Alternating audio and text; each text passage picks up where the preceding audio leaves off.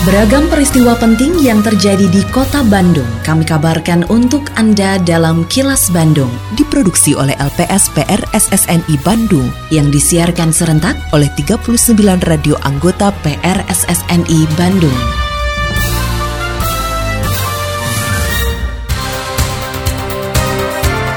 Sejumlah informasi aktual kami hadirkan untuk Anda dan inilah informasi utamanya. Kurang asupan gizi di masa kehamilan jadi penyebab stunting. Buruh tuntut gubernur tetapkan UMK 2022 sesuai rekomendasi wali kota bupati. Masjid Laut Sedua terima bantuan perbaikan sarana. Saya Santika Sari Sumantri, inilah kilas Bandung selengkapnya. Angka stunting di kota Bandung turun meski dalam masa pandemi COVID-19 hingga mencapai sekitar 1,34 persen. Kepala Dinas Kesehatan Ahyani Raksa Negara mengatakan turunnya angka stunting antara lain karena posyandu masih bisa melakukan penimbangan balita walaupun dalam keterbatasan dan di masa pandemi. Selain itu, beberapa hal yang mendorong penurunan angka stunting adalah pemanfaatan dana maksimal, sanitasi diperbaiki dengan ODF, juga adanya intervensi seperti ASI eksklusif dan pemberian makanan tambahan. Ahyani mengatakan untuk mencegah angka stunting atau gagal tumbuh akibat akumulasi ketidakcukupan zat gizi, perlu masukan gizi sejak masa kehamilan, pola asuh dan lingkungan sanitasi yang baik. Masalah lingkungan yang ditangani kemudian akan berdampak juga dari faktor-faktor yang menghabiskan.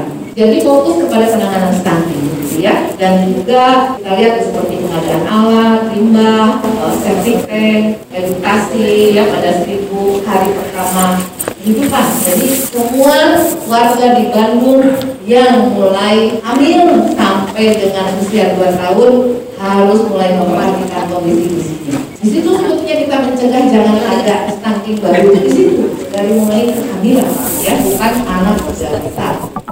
Ribuan buruh dari berbagai daerah di Jawa Barat kembali menggelar aksi di depan Gedung Sate Kota Bandung. Rencananya aksi berlangsung selama dua hari, mulai hari ini hingga besok. Ketua Konfederasi Serikat Pekerja Seluruh Indonesia atau KSPSI Jawa Barat, Roy Jinto mengatakan, aksi dilakukan para buruh untuk mengawal penetapan upah minimum kota kabupaten atau UMK tahun 2022 oleh Gubernur Jawa Barat. Pasalnya mayoritas rekomendasi UMK tahun 2022 yang disampaikan oleh Bupati Wali Kota kepada Gubernur Jawa Barat tidak lagi mengacu pada peraturan pemerintah nomor 36 tahun 2021 tentang pengupahan. Untuk itu para buruh meminta Gubernur Jawa Barat menetapkan UMK tahun 2022 sesuai dengan rekomendasi atau usulan yang disampaikan Bupati Wali Kota. Kita meminta kepada Gubernur Jawa Barat dalam rangka menetapkan upah minimum kabupaten kota tahun 2022 berdasarkan rekomendasi 27 Bupati Wali Kota yang sudah menyampaikan kepada Gubernur dan telah diplenokan dan kita meminta agar itu yang diterbitkan keputusannya oleh Gubernur. Jadi kita tidak ingin Gubernur mengurangi nilai UMK UMK yang telah direkomendasikan oleh Bupati Wali Kota.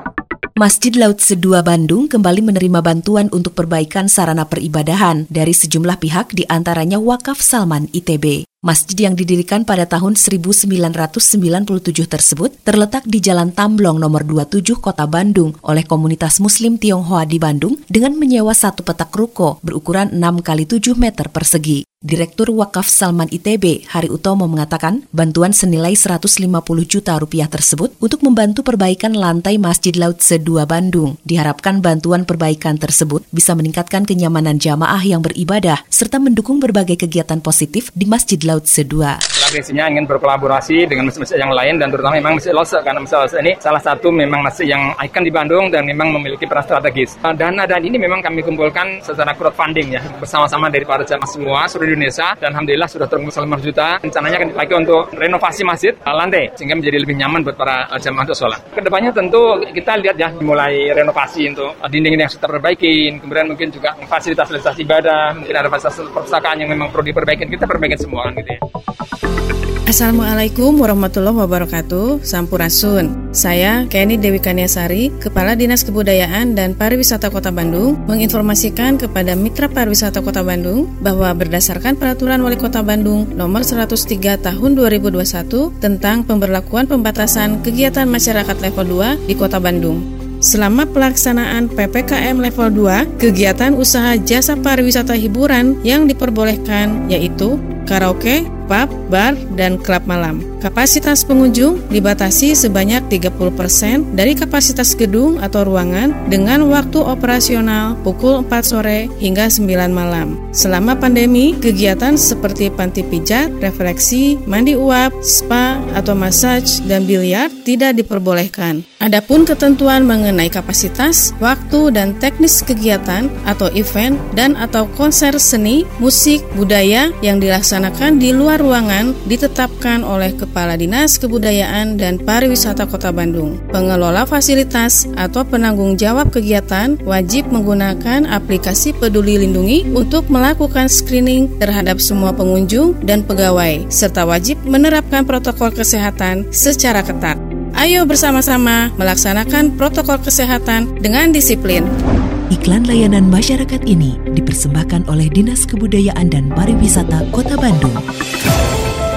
Assalamualaikum warahmatullahi wabarakatuh. Sampurasun, warga Kota Bandung yang saya hormati dan saya cintai. Saya Tono Rusdiantono, Kepala Dinas Sosial Kota Bandung menghimbau kepada seluruh warga Kota Bandung, para wisatawan dan para pengguna jalan untuk tidak memberikan uang atau sedekah kepada pemerlu pelayanan sejahteraan sosial atau PPKS. Di antaranya anak jalanan, gelandangan dan pengemis karena mengganggu ketertiban umum dan kelancaran arus lalu lintas. Selain itu, saya juga meminta kepada seluruh warga kota Bandung untuk tidak menggalang dana atau meminta sumbangan di tengah jalan dengan dalih apa pun. Terlebih kegiatan itu tanpa mengantongi izin resmi dari Dinas Sosial Kota Bandung. Apabila Anda menemukan adanya PPKS maupun penggalangan dana, diminta partisipasinya untuk melaporkan hal tersebut kepada Dinas Sosial Kota Bandung. Salurkan donasi Anda hanya melalui lembaga resmi. Wassalamualaikum warahmatullahi wabarakatuh.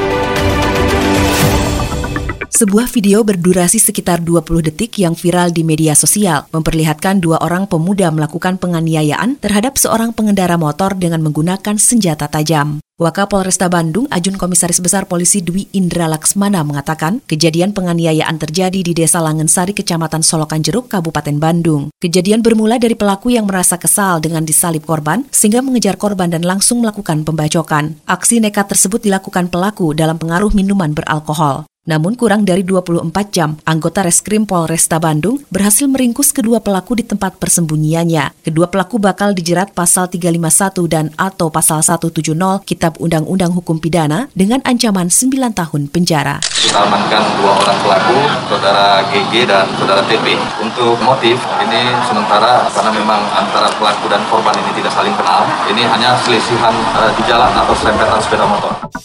Assalamualaikum warahmatullahi wabarakatuh. Sampurasun. Dalam rangka meningkatkan promosi pariwisata, Disput Par Kota Bandung selalu menghadirkan informasi terkini dengan beberapa media yang digunakan untuk Instagram Live dilakukan setiap hari pada Instagram TIC.Bandung untuk siaran radio reguler setiap hari Jumat pukul 13 waktu Indonesia Barat untuk konten, foto, video, dan konten lainnya ada pada Instagram TIC.Bandung. Buat Anda yang ingin mencari informasi secara langsung, dapat langsung mengunjungi kantor turis Informasi Center di empat lokasi. Lokasi satu di kawasan Masjid Raya Bandung, Jalan Asia Afrika nomor nomor 78, lokasi 2 di kantor reservasi kawisata Stasiun Kereta Api Bandung, lokasi 3 di Bandara Husein Sastra Negara, dan lokasi 4 di Salapak Microshop Jalan Insinyur Haji Juanda nomor 10A Bandung. Mari dukung kemajuan pariwisata di Kota Bandung dengan follow Instagram di ic.bandung. Atur nuhun, wassalamualaikum warahmatullahi wabarakatuh. Iklan layanan masyarakat ini dipersembahkan oleh Dinas Kebudayaan dan Pariwisata Kota Bandung. Kini, audio podcast siaran Kilas Bandung dan berbagai informasi menarik lainnya bisa Anda akses di laman kilasbandungnews.com. Tetap patuhi protokol kesehatan di masa adaptasi kebiasaan baru untuk memutus penyebaran COVID-19. Selalu memakai masker, mencuci tangan, menjaga jarak dan menghindari kerumunan, serta mengurangi mobilitas agar terhindar dari terpapar virus corona.